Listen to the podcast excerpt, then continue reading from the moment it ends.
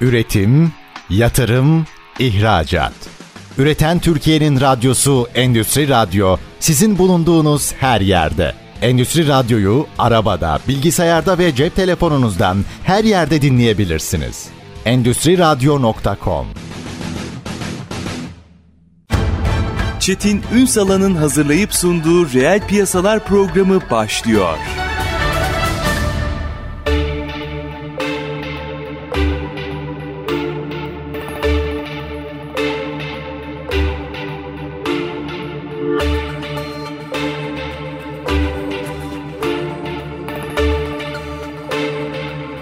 Reel piyasalardan merhabalar. Türkiye'nin gerçek gündeminde birlikteyiz. Efendim sürdürülebilirlik son dönemde eminim ki çok konuşuyoruz, duyuyorsunuz. Ne kadar için dolduruyoruz birazcık tartışmalı ama biz bugün için dolduracağız. Hatta bu sürdürülebilirliği konuşurken bambaşka bir açılım yapacağız. Yeni bir marka fırsatı olarak konuşacağız bugün. E, çünkü e, böyledir. Bir takım regülasyonlar, bir takım düzenlemeler bir tarafta zorunlulukları getirir ama madalyonun diğer tarafına baktığınızda da çok büyük fırsatları önünüze koyar. Biz tüm bu detayları biraz da sürdürülebilirliğin içini doldurarak mercek altına alacağız. Sustainable Brands Türkiye Başkan Yardımcısı Aysun Şabanlı bugün reel piyasaların konu. Sayın Şabanlı hoş geldiniz efendim. Güzel bir sabah oluyor. Harika. Çünkü bugün Dünya Radyolar Günü. Aa, süper. Kutlu olsun. Sağ olunuz. Şimdi e, buradaki marka fırsatını özellikle konuşmak istiyorum. Hı hı. Ama ilk önce biraz içini dolduralım mı? Bu konuyla ilgili bir farkındalığın olması konusunda çok mutluyum. Hı hı. Yani en azından herkesin kulağına bir şeyler, kar suları kaçtı.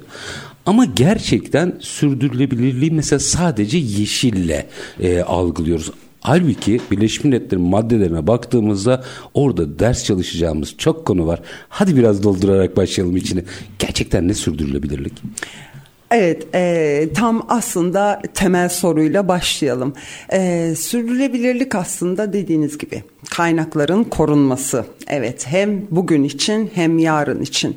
E, ama bir anlamda da tüm kurumsal değişikliğin de toplumun hem şimdiden başlayarak gelecekte de ki refahı içinde aslında kurumların uyum içinde dönüşümünü de e, anlatıyor. Dolayısıyla aslında daimi olmak anlamına geliyor kelime anlamında. Harika.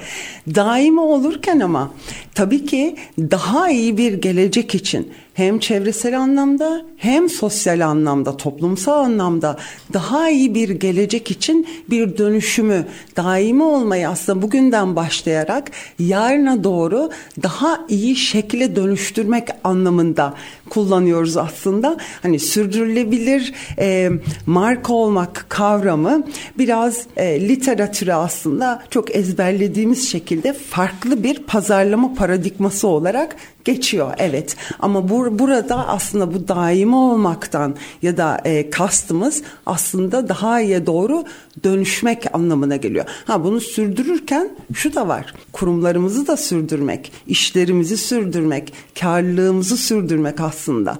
Dolayısıyla bütün bunları birleştirdiğimizde biz buna işte yeni bir karlılıklarımızdan konuştuğumuzda yeni bir bakış açısıyla iyi büyüme diyoruz. İyi şirke güzelmiş bu. Yani gerçek kalkınmadan bahsediyoruz aslında. Sadece evet. şişmelerden değil, evet. şişme büyümelerinden değil. Gerçek kalkınma geçenlerde de e, TÜSİAD Başkanı da buna atıfta bulundu. Yani refah yaratmamız lazım.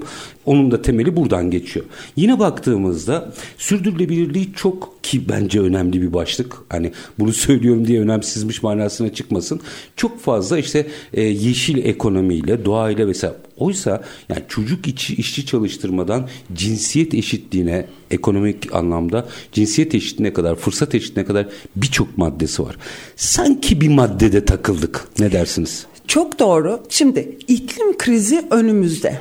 Ve birçok araştırmaya da baktığımızda işte e, Dünya Ekonomi Formu'nun açıkladığı e, de, risklere de baktığımız zaman iklim krizi gerçekten bir sorun.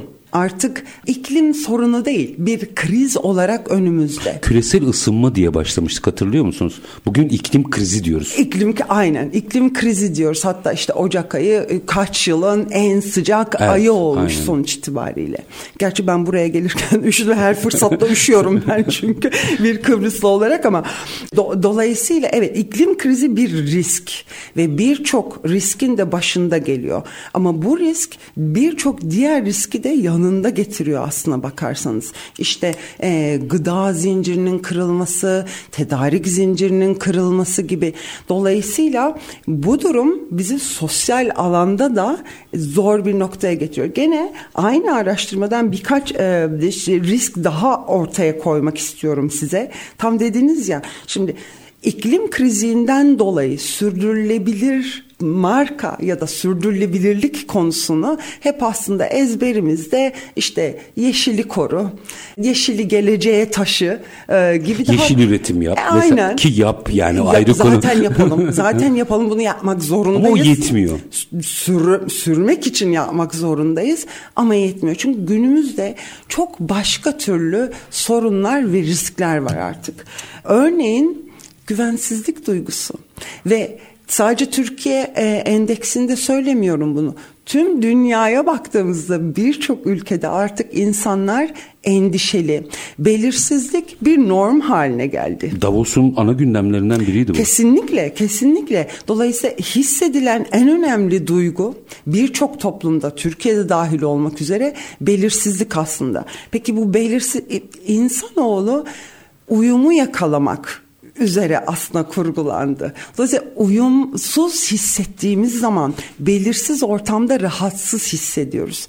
Bu da bizde daha büyük endişelere yol açıyor ve aslında hareket etme e, bir şeyleri ortaya koyma yeteneğimizi de elimizden alıyor aslında. Yaratıcılığı da e, Yaratıcılığın kesinlikle yaratıcılığın önündeki en büyük engellerden biri.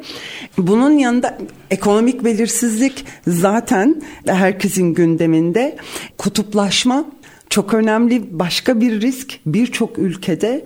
E, dolayısıyla kötümserlik bunun yanında beraberinde geliyor ve dezenformasyon. Bir başka gündem de bu. İşte Kesinlikle. yeni teknolojilerle inovasyon getirili düşünsenize şunu da düşünüyorum hep. Mesela teknolojik gelişmeleri kim istemez ki? Değil mi yani? Hepimiz Herkes isteriz. ister. ama bunun yanı sıra bir olumsuz bir süreçler de yanında gelebiliyor.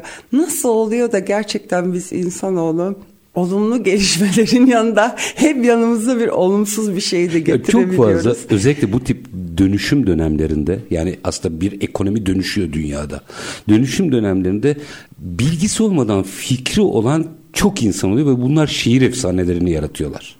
E, galiba bu da tedirginlik yaratıyor o sürdürülebilirlik duygusu kavramı içerisinde bilgi çağından bahsediyoruz bu dönemde ve bilgiye erişimin çok daha demokratik olmasından bahsediyoruz ama bir yanda da e, bilgiyi süzgeçten geçirirken ya, belki evet, ya da e, ya da gerçek bilgiye ulaşırken de e, en zorlandığımız dönem belki de bu dönem. Dolayısıyla tam dediğiniz gibi evet e, iklim krizi e, ya da çevresel konularda sürdürülebilirlik zaten artık must have yapmak zorundayız. Yani daim olmak için, sürebilmek için işletmeler olarak da aslında işimizi devam ettirebilmek için zaten bir norm olarak ele almak zorundayız. Ama bir yandan da siz başında söylediğiniz zaten çok güzel bir şekilde refah dediniz. Şu anda refahı sadece ekonomik refah olarak adlandıramayız. Yok, sosyal refah. Sosyal refah kesinlikle. Bu sosyal refahın içinde işte insanların bu belirsizlik duygusuyla, endişeleriyle, adaletsiz bir ortamda yaşadığı duygusuyla da baş etmeleri gerekiyor. Aslında refah hem iyi bir ortamda, sağlıklı bir ortamda yaşamak hem de sağlıklı bir ruh halinde yaşamak anlamına geliyor artık bizim için. Dolayısıyla bunu ilk başta da bir fırsat olarak koyduk ortaya elbette ki. Çünkü yine e, Edelman Trust e, barometresine de baktığımız zaman gene yeni araştırmalardan biri 2024'te çıkan toplumun birçok şeyde güveninin azaldığını da görüyoruz. Hı hı. Kurumlara, yönetimlere ama en çok güvenildik, güvendikileri de işletmeler. bir evet. yandan da. Dolayısıyla bu bizim için bir fırsat var. Neden? Tüketim alışkanlıkları dönüşüyor. Tüketicilerin tüketici demekten çok hoşlanmıyorum ben ama e, insanların beklentileri tüketirken beklentileri tüketirken aldıkları haz ve e, statü beklentileri zaten değişiyor. Şey de e, etkili oluyor olabilir mi? Merkeziyetsiz bir ekonomiye doğru koşulurken insanların da şirketlerden beklentilerin artıyor olması sanıyorum bunun en önemli gerekçesi. Yani artık şirketler e, gereğini yapsın. Bir kanunla veya yönetmelikle olduğu için değil. Şirket sosyal bir şirket olduğu için bunu yapsın duygusu belirdi. Kesinlikle. Şöyle söyleyeyim mesela eskiden işte biz 80'lerde 90'larda aslında bizler tükettiğimiz markalarla kendi statümüzü de ortaya Hı-hı. koyardık. Dolayısıyla kendi statüm, kendimize yakıştırdığımız statüye en yakın olan markaları tercih ederdik. Bugünlerde artık bu statü sembolleri de değişiyor. Dolayısıyla bir markadan elde edebileceğimiz statüyü üzerimize çok giymek istemiyoruz artık. Ama irite edebiliyor aslında. Kesinlikle aksine. irite de edebiliyor. Dolayısıyla fakat gene de bir anlam arayışı içindeyiz. İşte bahsettik ya bu belirsizlik ortamından, endişe ortamından. Herkesin yeni bir başka trendde insanların kendi bireysel etki yaratma ihtiyacı. Bu da sürdürülebilirlik. Bir yandan dediniz ya merkeziyetsiz bir ortam. İşte sosyal medyanın vesaire doğuşuyla da aslında bizler ölümsüzlüğü de arıyoruz artık. Ölümsüz olma yolculuğuna da girdik artık sosyal medyayla. Şimdi o zaman şöyle bir şey yapalım. Minik bir araya gideceğim. Hı hı. Ee, belki bizi insan olarak ölümsüzlüğü yakalayamayacağız ama şirketleri ölümsüz kılabiliriz. Ee, şimdi fırsat da burada başlıyor aslında. Şirketlerden beklediğimiz de aslında bizi ölümsüz kılmak için kültürel bir anlam yaratmaları diyerek duruyor. Yaşayın. Şimdi o zaman virgül atalım. E, fotoğraf çok net aslında. Hani ne yaşanacağı belli. Bunu hı hı. E, dünyanın gidişatı böyle.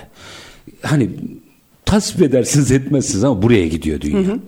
Günün sonunda bu madalyonun bir yüzü tersten baktığınızda bu süreci doğru yönetenler için de müthiş bir marka olma e, fırsatı geliyor. Kesinlikle. Biraz şimdi o fırsatı açacağım tamam. ama minik bir araya tamam. aranın ardından konuşacağız efendim. Sustainable Brands Türkiye Başkan Yardımcısı Aysun Şabanlı bizlerle birlikte minik bir ara aranın ardından yeni marka fırsatı sürdürülebilirlik diyeceğiz konuşacağız. Lütfen bizden ayrılmayın.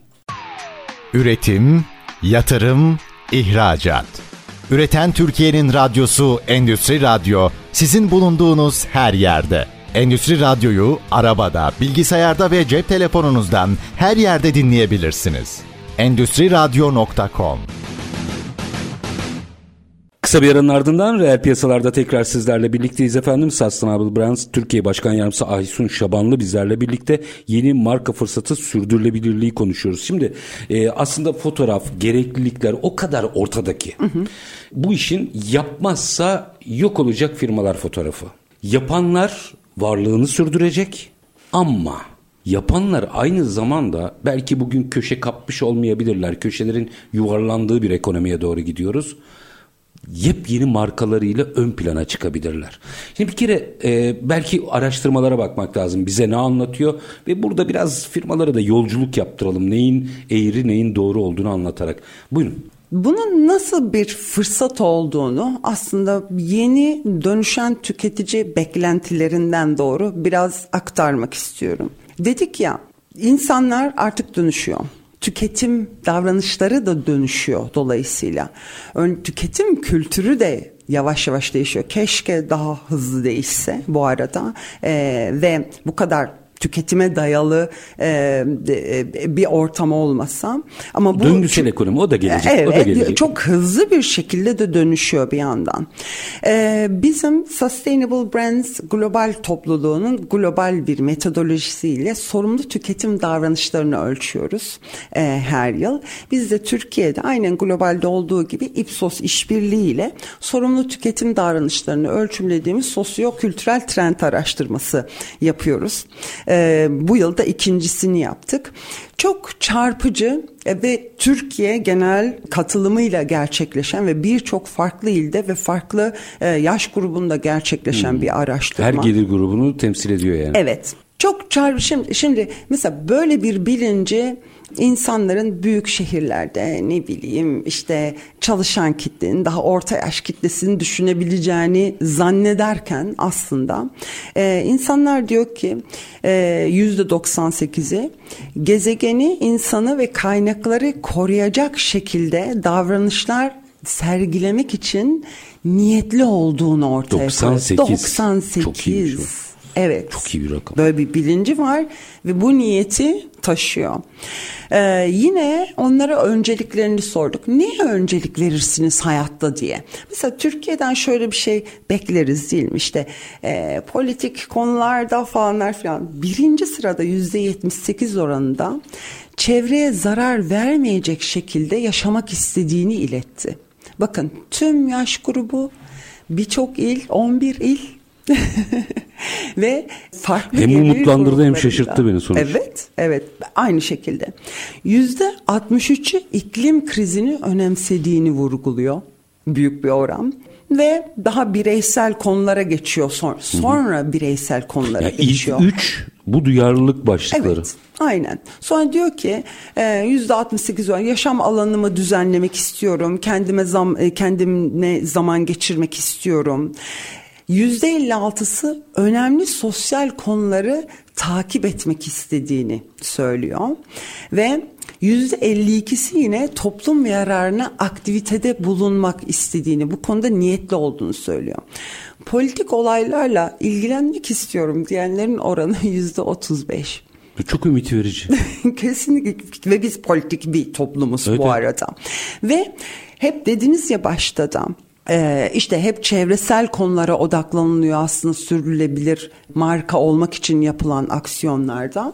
Tüketiciler diyor ki aslında yüzde 73'ü hem çevresel konular hem sosyal konular eşit derecede önemlidir diyor ve daha çok daha bilgece bir yanıt daha alıyoruz. Gene çok şaşırdığımız. Yüzde 92'si diyor ki çevresel konuların çözümü toplumsal konuların çözümünden, toplumsal konuların çözümü de çevresel konuların çözümünden gelir diyor. Yüzde 92'si. Mü- müthiş bir e, sonuç evet. bu. Yani evet. şöyle kendi aramızda sohbet edelim. Bu sonucu öngörmeyiz hiçbirimiz. Kesinlikle. Mü- müthiş bir bilinç var o zaman. Kesinlikle e, çok şaşırtıcı bulgular gerçekten ama bir yandan da bizim marka stratejilerimize de çok büyük yol gösterecek e, sonuçlar. Çünkü bazen şunu zannediyoruz işte tüketici sadece kendi faydasına bakar ya da fiyatına bakar diye düşünüyoruz. Tüketici artık üç şeye bakıyor. Ve gene kendi marka e, kendi faydasını üç farklı konuda görüyor. Benim çevrem için faydası ne? Çevrem için dediğim mahallem için, çevrem için, yaşadığım ortam için faydası ne? Benim sağlığım için faydası ne? Yani ve ailemin sağlığı, gelecekteki sağlığı, çocuklarımın sağlığı ve geleceği için faydası ne? Ve ekonomik faydası ne? Dolayısıyla gene bire, bireysel olarak da baktığı zaman aslında bireysel olarak da bu üç faydaya birden odaklanıyor. Şu yalnız Türk reel sektörünün bütün ezberini bozar. İlk beşte fiyat çıkmıyor. E, Kalite bile çıkmıyor onu tartışmıyor artık. Evet aynen çünkü artık teknolojik gelişmeler zaten üretim faaliyetlerindeki gelişmelerle kaliteyi birçok marka olmaz zaten, zaten olmazsa olmaz. O zaten hijyen faktörü. Yani bakın artık günümüzde markalar için fırsat ararken hijyen faktörlerinden çok daha yukarıda bir şey bulmamız çok gerekiyor. Çok entelektüel bir e, şey evet. durumda. evet.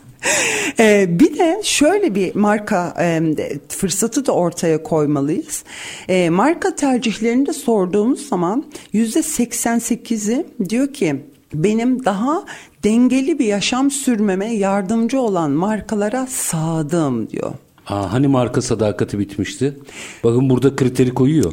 Şöyle marka devam ederim ama devam diyor. ederim. Niyet niyetim olur, tercih ederim Ama diyor bunu yap diyor. Ama bunu yap ama tabii ki ondan sonra ekonomik durumuna da bakıyor. Çünkü ekonomiden bahsederken e, sürdürülebilir bir yaşam ve davranış sergileme niyetinin çok yüksek olması o, olması durumunda bile engel olarak şunu görüyor ekonomiyi. İşte bunu aşmamız lazım. Marka fırsatı da tam burada geliyor aslında bakarsanız. O optimum noktayı yakalamak durumunda markalar. Evet çünkü şöyle bir algı var. İşte çevreye e, duyarlı markalar, işte topluma duyarlı markaların daha pahalı olduğuna dair bir algı da var. E, dolayısıyla tam bu optimum noktayı ya da zaten iletişimlerimizi yaparken biraz evvel bahsettim ya benim için çevresel faydan ne? Benim ailem için, sağlığım için faydan ne? ve ekonomik faydan ne? Bunun iletişimini de yaparken çerçevesini de bu şekilde ortaya koymamız gerekiyor. Hep işte e, biraz sürdürülebilir marka kampanyalarında ya da bazen bunlara kurumsal sosyal sorumluluk kampanyaları belki bu konuyu da e, deşeriz sizinle aslında hep gelecekten bahsediyoruz. İşte e, yeşile yatırım, daha iyi bir çevre. Evet bunlar da güzel. Sizin bu anlattıklarınızdan sonra daha doğrusu araştırmanın sonuçlarından sonra yeşil boyama basın bültenlerinin nedeni ortaya çıktı. E, e, doğru, doğru bu konuyu da e, konuşabiliriz. E, dolayısıyla aslında biraz insanlara çünkü şöyle bir araştırma bulgusu da var. Benim niyetim var böyle davranışlar sergileme ama ne, ne yapmam gerektiğini bilmiyorum. Dolayısıyla biz markalar olarak onlara des, onları desteklememiz gerekiyor bu davranışları ortaya koyabilmeleri için.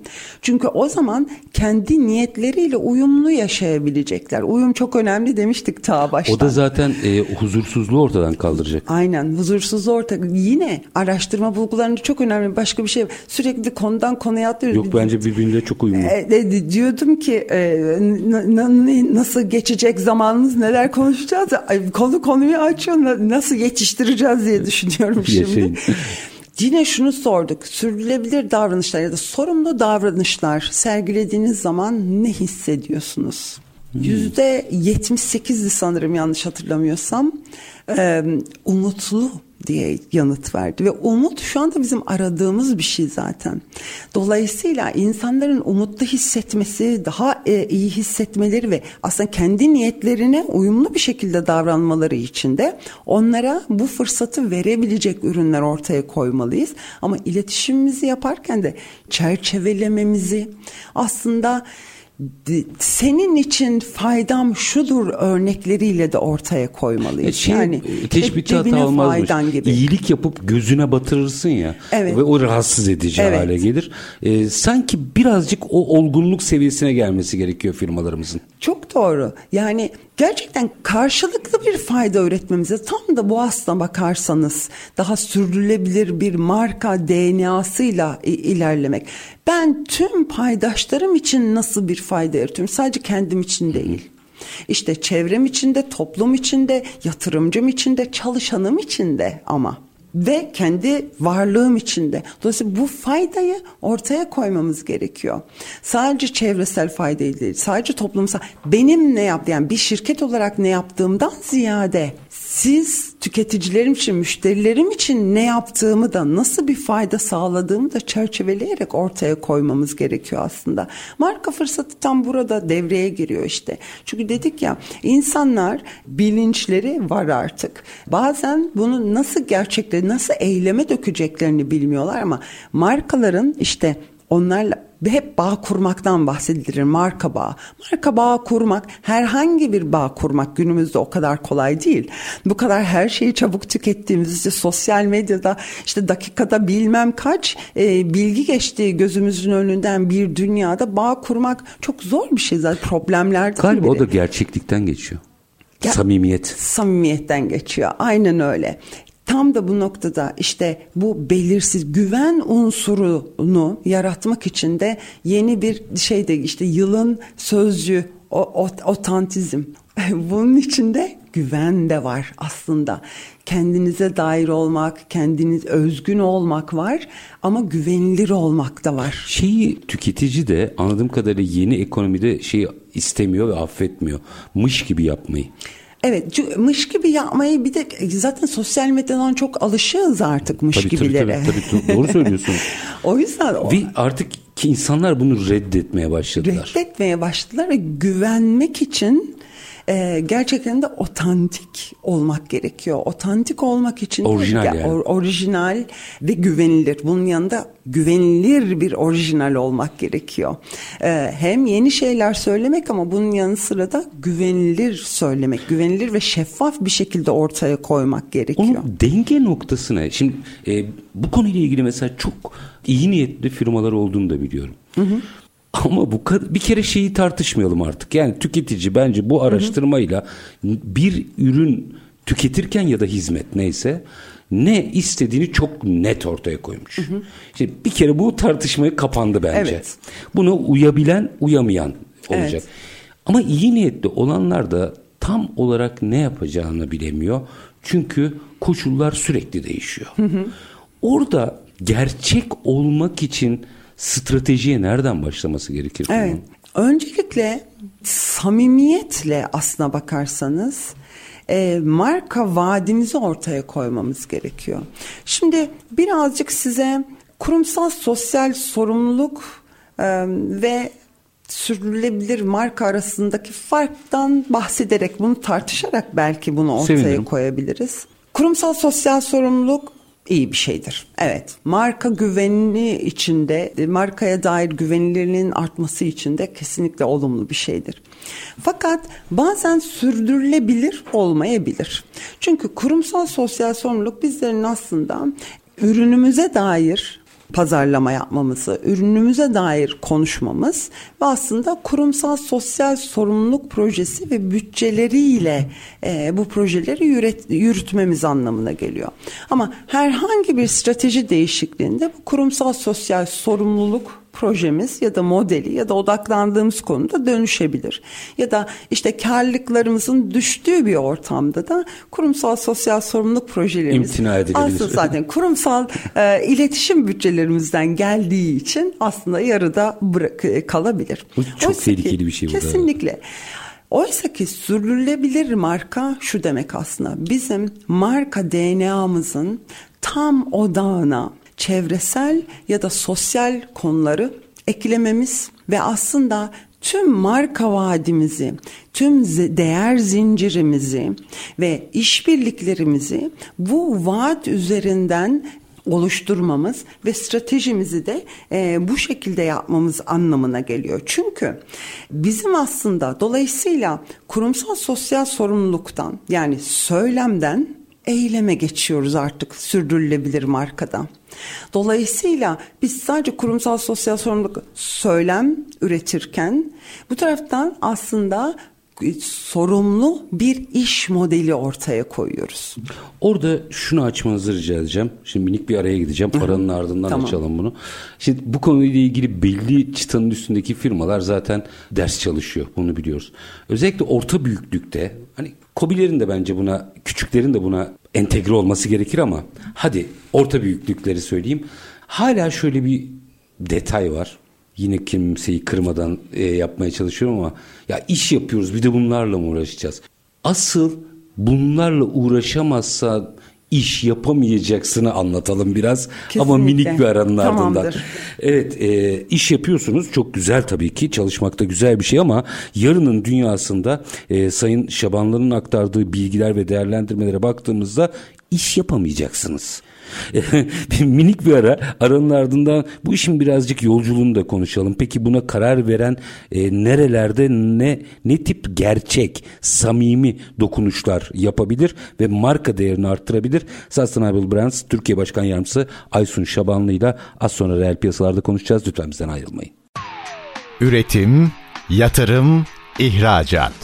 Üreten Türkiye'nin radyosu Endüstri Radyo sizin bulunduğunuz her yerde. Endüstri Radyo'yu arabada, bilgisayarda ve cep telefonunuzdan her yerde dinleyebilirsiniz. Endüstri Radyo.com Kısa bir aranın ardından reel piyasalarda tekrar sizlerle birlikteyiz. Sustainable Brands Türkiye Başkan Yardımcısı Aysun Şabanlı bizlerle birlikte yeni marka fırsatı sürdürülebilirliği konuşuyoruz. Şimdi e, baktığımızda bundan geri dönüş yok galiba. Bu çok net anlaşılıyor. Ee, bir kez daha altını çizeyim. Hem şaşırttı hem umutlandırdı beni. Ortaya koyduğunuz araştırmanın sonuçları bu şunu gösteriyor ki ne kadar ekonomik sorunu olursa olsun Türkiye'deki tüketici de %90 ve üzerindeki seviyelerde artık buna uygun hareket etmeyen markaları affetmeyecek. Doğrudur. Dediğim gibi büyükler belli bir yolculukta az çok ki bu konuyla ilgili yarışmalarda zaten Evet. ortaya çıkıyor bunlar ama orta büyüklüktekiler. Bunlar da e, öneminin farkına vardılar. Meseleye nereden başlayacaklarını bilmiyorlar. Bir şey söyleyeyim mi size? Sadece büyükler tamam büyüklerin e, zaten başka e, rekabetçi avantajları da var değil mi? Mesela işte perakende de daha çok ki. raf payına sahip olabilme yetenekleri vesaire vesaire işte üretim yetenekleri falan. Ortada bence küçükler için de daha çok daha büyük bir fırsat. Çünkü artık günümüzde var olmak için yani bir birçok pazara giriş e, bariyeri çok yüksek. Dolayısıyla biz farklı bir hikaye anlatmamız gerekiyor. İşte bağ kurmaktan bahsediyoruz, bağ kurmanın zorluğundan bahsediyoruz. İşte marka sadakati artık bitti diyoruz ya. İnsanlar bir yandan hem ne demiştik kendileri sosyal etki yaratmak istiyorlar. Dolayısıyla sosyal et, kendi sosyal etkilerini yaratırken de yardımcı ürünler arıyorlar ya da yardımcı objeler, yardımcı markalar aslına bakarsınız. Dolayısıyla Ya ben bir küçük olarak oraya entegre olabilirim doğru işleri yaparak. kesinlikle daha büyük farklılaşma sağlamış oluyorsunuz. Şöyle söyleyeyim size işte marka bağı kurmak için ne yapıyoruz? Marka ifademizi aslında tekrara dayalı iletişimle bir marka ifadesiyle bir anlam yaratmaya çalışıyoruz ve ürün özelliklerimizle vesaireyle anlam yaratmaya çalışıyoruz. Anlam yaratırken ne dedik? Artık insanlar tüketim kültürü de değişiyor olduğundan dolayı aslında gerçek sorunlara değinmediğiniz takdirde bu anlamı karşı tarafta yaratamıyorsunuz. O zaman da işte siyah bir kutu gibi o anlam bağında bir kopukluk oluşuyor. İşte fırsat bu noktada gelebiliyor. Örneğin biz işte ben daha önce işte telefon pazarında çalışıyordum. Ee, global telefon yarışında hepimiz benzer dönemlerde işte Eylül ayında fuar oluyor Barcelona'da vesaire bir Herkes ürün yaratıyoruz. aynı şeyi yapıyor, değil mi? Aynı şeyi işte benim kameram şu kadar iyi senin kameran bu kadar iyi vesaire. Dolayısıyla kategorinin içinde konuşuyorduk zaten değil mi? Kategorinin içindeki e, özelliklerin yarışını yapıyorduk. Ama tüketicimize de bazen reklam kampanyaları sonucunda soruyorduk. İşte benim reklamımı hatırlıyor musun? Reklamı hatırlıyor bazen rakibimin zannediyor. Hmm, Bazen karışıyor. rakibin reklamını benim çünkü biz kategori içinde konuşuyorduk. E kategoriler de çok kalabalık artık. Dolayısıyla nasıl fırsat yaratacağız? Orada özellikler öne çıkıyor, değerler değil. Evet özellikler ortaya çıkıyor. Dolayısıyla işte rak- rakibim benden bir üst özelliği farklı bir iletişim stratejiyle daha iyi de gösterebilir. Kategorinin üzerinde konuşmamız gerekiyor. Kategorinin üzerinde bir anlam hikayesi yaratmamız gerekiyor. Bu anlam hikayesinde de örneğin bu bahsettiğimiz konulara çevresel ve sosyal, kültürel sorunlara yani insanların şu anda hissettikleri gerçek sorunlarına dokunmazsanız bu anlamı nasıl yaratacaksınız? Ortada gerçekten siyah bir siyah bir alan yaratılıyor. Geriye sadece fiyat rekabeti kalıyor. O da herkesi batırır. Kesinlikle, kesinlikle. Dolayısıyla küçükler için, orta ölçekliler için çok daha büyük bir fırsat.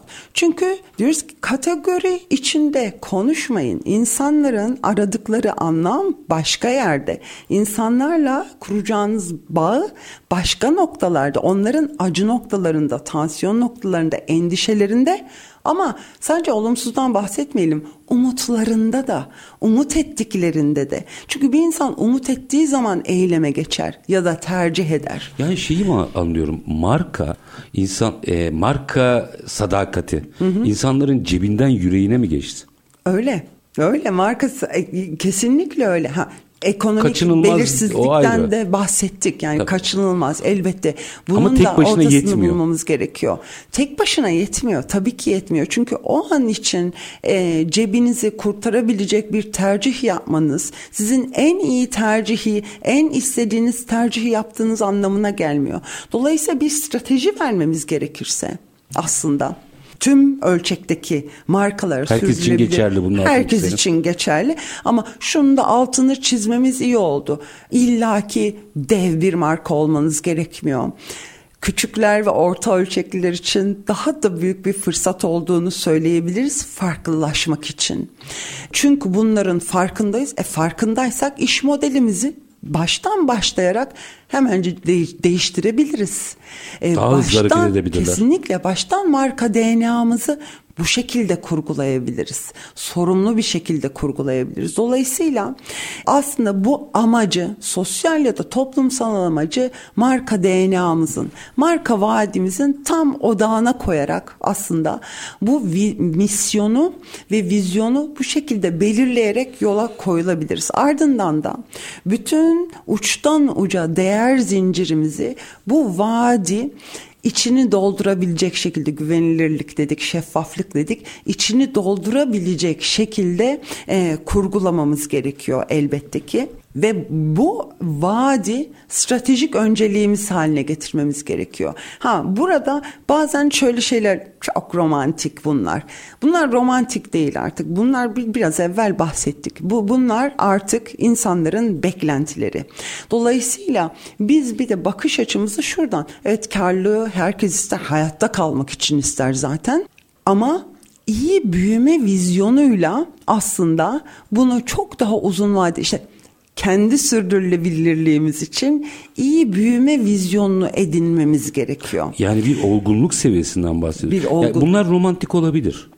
Ama şey ters e, söyleyeceğim. Ama belli ki ürünü tüketecek kişi romantizm istiyor. Hadi siz çok realist dolaşın ortada o zaman. Almayacak. Çünkü onun beklentisi başka.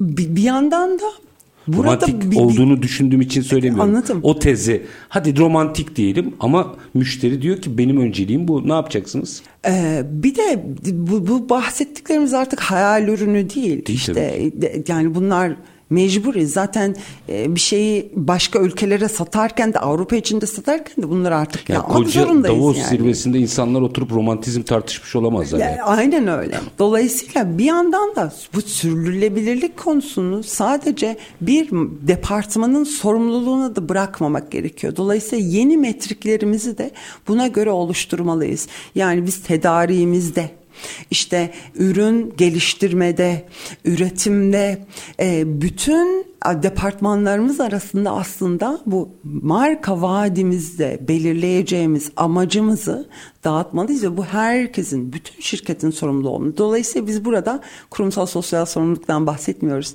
Sorumlu bir iş modelinden bahsediyoruz. Sorumlu iş modelinin de iyi büyüme perspektifiyle daha sürdürülebilir bir şekilde kurum faydamıza olabileceğinden bahsediyoruz aslında. Şunun altını e, çizmek adına soruyorum. Hı hı. Diyelim ki hangi boyutta olursa olsun ben bir işletme olarak buna karar verdiğim anda bu sadece benim yolculuğum değil. Ham aldığım ham maddecinin sorunu, evet. e, bana lojistik e, yapanın sorunu. Bunların hepsini diyeceğim ki uymazsan seninle çalışmayacağım. Çok zincirleme bir etkiden bahsediyoruz. Çok güzel bir şey söylediniz. O yüzden dedik ya söylem değil bu. Artık eylem ve dönüşüm. Dönüşürken biz dönüşürken etrafımızı da dönüştürmek. Dolayısıyla hep birlikte aslına bakarsanız geleceğe çok daha emin adımlarla yürüyebilecek bir iş modeli ortaya koyma. İşte paydaş kapitalizmi de girdi e, lügatımıza artık. Burada aslında vizyoner bir lider olarak aslında bu amacı da merkeze koymak gerekiyor. Bir yandan liderlik de çok önemli ve liderlik tanımı da de dönüşüyor artık. Doğru. E, dolayısıyla geçen sene mi e, oturumlarınızdan birinin ana konusuydu galiba bu. Evet. Ya geçen sene ondan önceki sene. E, bambaşka liderlerden bahsediyoruz artık. Bambaşka liderlerden bahsediyoruz. Bir kere toplumun Örneğin CEO aktivizmi diye çok önemli bir kavram girdi. Çünkü gene güvenilirliğe baktığımız zaman da e, insanlar diyor ki hem çalışanlar hem e, müşterileri e, firmaların diyorlar ki ben bir firmanın liderinin benim hissettiğim sorunlara dair konuşmasını istiyorum. Kurumlarda çalışanlar da birçoğu mutsuz ve etkisiz hissediyor. Ama kendi lideri de bu konuları ele aldığında kendi sosyal etkisi de yaratabileceği için böyle bir ortam bulabileceği için tabii ki daha umutlu ve mutlu bir şekilde çalışmaya başlıyor. Dolayısıyla bunun yanı sıra dedik ya bütün paydaşlarımızla beraber siz tedarikçi bacağını söylediniz. Kesinlikle paydaş tedarikçimizi dönüştürmemiz onun da iyi büyümesini katkıda bulunmamız gerekiyor. Yatırımcılarımızla uzun vadeli aslında bu değere, bu belirlediğimiz marka vaadi ve amacına göre ilişki kurmamız gerekiyor ki yatırımlarımız da sürdürülebilir olsun. Bunu yaparken vizyoner liderliğin aslında bu konuyu stratejik öncelik yapması gerekiyor. Gene araştırmalara göre eğer kurumun lideri bu amacı benimsediği takdirde çok daha büyük başarıların ortaya koyabileceğini de Hızlanıyor altını mu? çiziyor. Hızlanıyor mu mesele? E, kesinlikle ve çalışanlarımızı gel, e, geliştirmek ve büyütmemiz gerekiyor bizimle beraber ve tedarikçi ve iş ortamımızı da bu şekilde marka amacımıza e, göre aslına bakarsanız toplumsal ve veya çevresel veya ikisi beraber konularda marka amacımıza göre organize etmemiz ve onları da dönüştürmemiz gerekiyor. Dolayısıyla bir işbirliği ortamından bahsediyoruz ama bu işbirliği ortamının önemi sadece sürdürülebilir e, marka stratejilerinde konuştuğumuz bir şey değildi. Ta yıllardır aslında diyoruz ki artık pazarlar çok büyüdü. Rekabet çok fazla arttı. Dolayısıyla rekabet unsuruna da farklı bir gözle bakmamız gerektiğini yıllardır konuşuyoruz zaten e, de, de pazarda. Ve anladığım kadarıyla bütün ezberler bozulmuş Evet. vaziyette. Yani dünkü pazarla atıyorum rastgele söyleyeyim ülkeyi Almanya pazarı diyelim. Dünkü Almanya pazarıyla bugünkü Almanya pazarı çok farklı. Beklentiler farklı çünkü. Beklentiler farklı. Aynı firma olarak orada faaliyet gösteremezsiniz. Dolayısıyla tek başımıza tek başımıza her şeyi yapmaya da çalışmak gerekmiyor. İşbirlikleri bizi zenginleştirecek konularda ve geliştirecek konularda e, zaten faaliyet gösterici. Dolayısıyla işbirlikleriyle büyüyerek, işbirlikleriyle aslında rekabetçi avantajımızı çok daha fazla e, yaratabiliriz. Bir yandan da iş verimliliğimizi de artırabiliriz. Kaldı ki günümüz ekonomisinde zaten işbirlikleri yapmadan e, çok da sürdürülebilir Yok, olmak e, beklenemez. Burada bir 3-4 dakikada şunu da açalım Tamam. istiyorum. Ee, mesela biz şu anda 4. sanayi devriminin ortasındayız, dönüşüyoruz. Meseleyi sadece dijitalleşme olarak tartışıyoruz. Asıl bu zihni dönüşüm olmadan o devrimi tamamlayamayacağımızı nasıl anlatacağız? Yani paylaşım ekonomisini konuşmadan, döngüsel ekonomiyi konuşmadan sadece makine veya yazılım satın almış oluyorsunuz. Bu dijitalleşme değil ki. Kesinlikle değil. Bir de yani dijitalleşme niye önemli? İşte bilgiye erişim için, birçok şeyi optimize edebilmemiz için, işte üretim süreçlerimizi vesaire optimize edebilmemiz için, işte daha demokratik bir ve eşit fırsatlar yaratabilmemiz için önemli. Ama buradan gelecek bilgi eğer biz Nerede proses kullanıyorsun? edemezsek Yaşayın çok güzel ifade. bu za- zaten kullanılmayan data anlamına geliyor. Yani datayı save etmek niye önemli olsun ki tek başına Hiç- kullanmayacak? Anladığım kadarıyla araştırma tüketici dijitalleş, o veriyi elde et ve o veriyi üretim veya hizmet metodolojisinde kullanırken bu ilkelere göre sürdürülebilir şirket ol diyor. Kesinlikle. Asıl amaç bu yani. Yani teknolojik dönüşümde gene ana maddelerden biri bu. Sürdürülebilirlik için teknolojik ve dijital dönüşüm şart. Niye? Optimize ediyoruz birçok sürecimizi. Ee, daha kısaltabiliyoruz. Daha çevreye daha az zarar verebilecek şekilde ve daha verimli bir şekilde kurgulayabiliyoruz. Ama bir yandan da başka endişemiz çıktı. Ya dezenformasyon olursa işte bununla nasıl Herkes savaşacağız gibi. Aynı. Bu da, bu arada bu da çok önemli bir sosyal sorumluluk projesi. Kesinlikle ele al hem akademik dünyanın hem marka dünyasının ele alması gereken işte o zaman da şeffaflık devreye giriyor. Ee, o zaman da sorumlu iletişimde yapmamız anlamına geliyor. Orada bir sıkıntı yaşadığınızda da orada da kriter samimiyet testi oluyor işte. Samimiyet testi Eğer oluyor. sizin marka olarak samimiyetinize inanıyorlarsa sizin ne söylediğinize bakarlar. Evet. Yoksa dedikoduya bakarlar. Kesinlikle öyle. Kesinlikle öyle ve güvendikleri markaların da yine araştırmalar gösteriyor. Güvendikleri markaların ne söylediğini tüketiciler inanıyor. Evet güvenebiliyor. Ama bunun için de artık günümüzde bu kadar belirsizliğin olduğu, bu kadar güven ortamının yok olduğu bir dünyada da işte şeffaf bir şekilde iletişim yapmak, sorumlu iletişim yapmak gerekiyor. İşte bu son dakikalarımıza geldik ama greenwashing'e de birazcık yeşil Lütfen. aklamaya da azıcık değinelim. İşte yeşil aklamadan kaçınmanın yolu bu zaten. Şeffaf. Bu dönüşümün hepsini birden aynı anda tamamlayarak sürdürülebilir bir marka diye adlandıracak değiliz kendimizi. Bunlar bir dönüşüm sürecindeyiz. Bu yolculuğun ve bu dönüşümün hızlanması gerekiyor evet. Ama yaptıklarımızı başardık. Hedefimizi ortaya koyalım. Hedefimizi şeffaf bir şekilde söyleyelim e, o hedefe giderken gelişimimizi şeffaf bir şekilde ortaya koyduğumuz zaman zaten eksikleriyle de beraber zaten sorumlu bir şekilde iletişim yapmış oluyoruz. Güvenilir bir şekilde iletişim yapmış oluyoruz greenwashing'den, yeşil aklamadan kaçmanın en önemli koşulu bu zaten. Samimiyet dediğiniz gibi. O birazcık da sanıyorum boşa e, efor.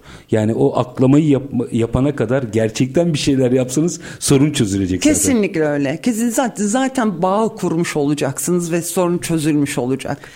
Valla süren bitti ama daha konuşacak çok şey çok var. var Bunu, evet. O yüzden virgül atmış olalım. Tamam. Yine burada bir araya gelelim. Çünkü e, bu meselenin aslında e, o süreci anlatırken çok net bir şeyin altını çizdiniz. Ve bence çok önemli bir saptama.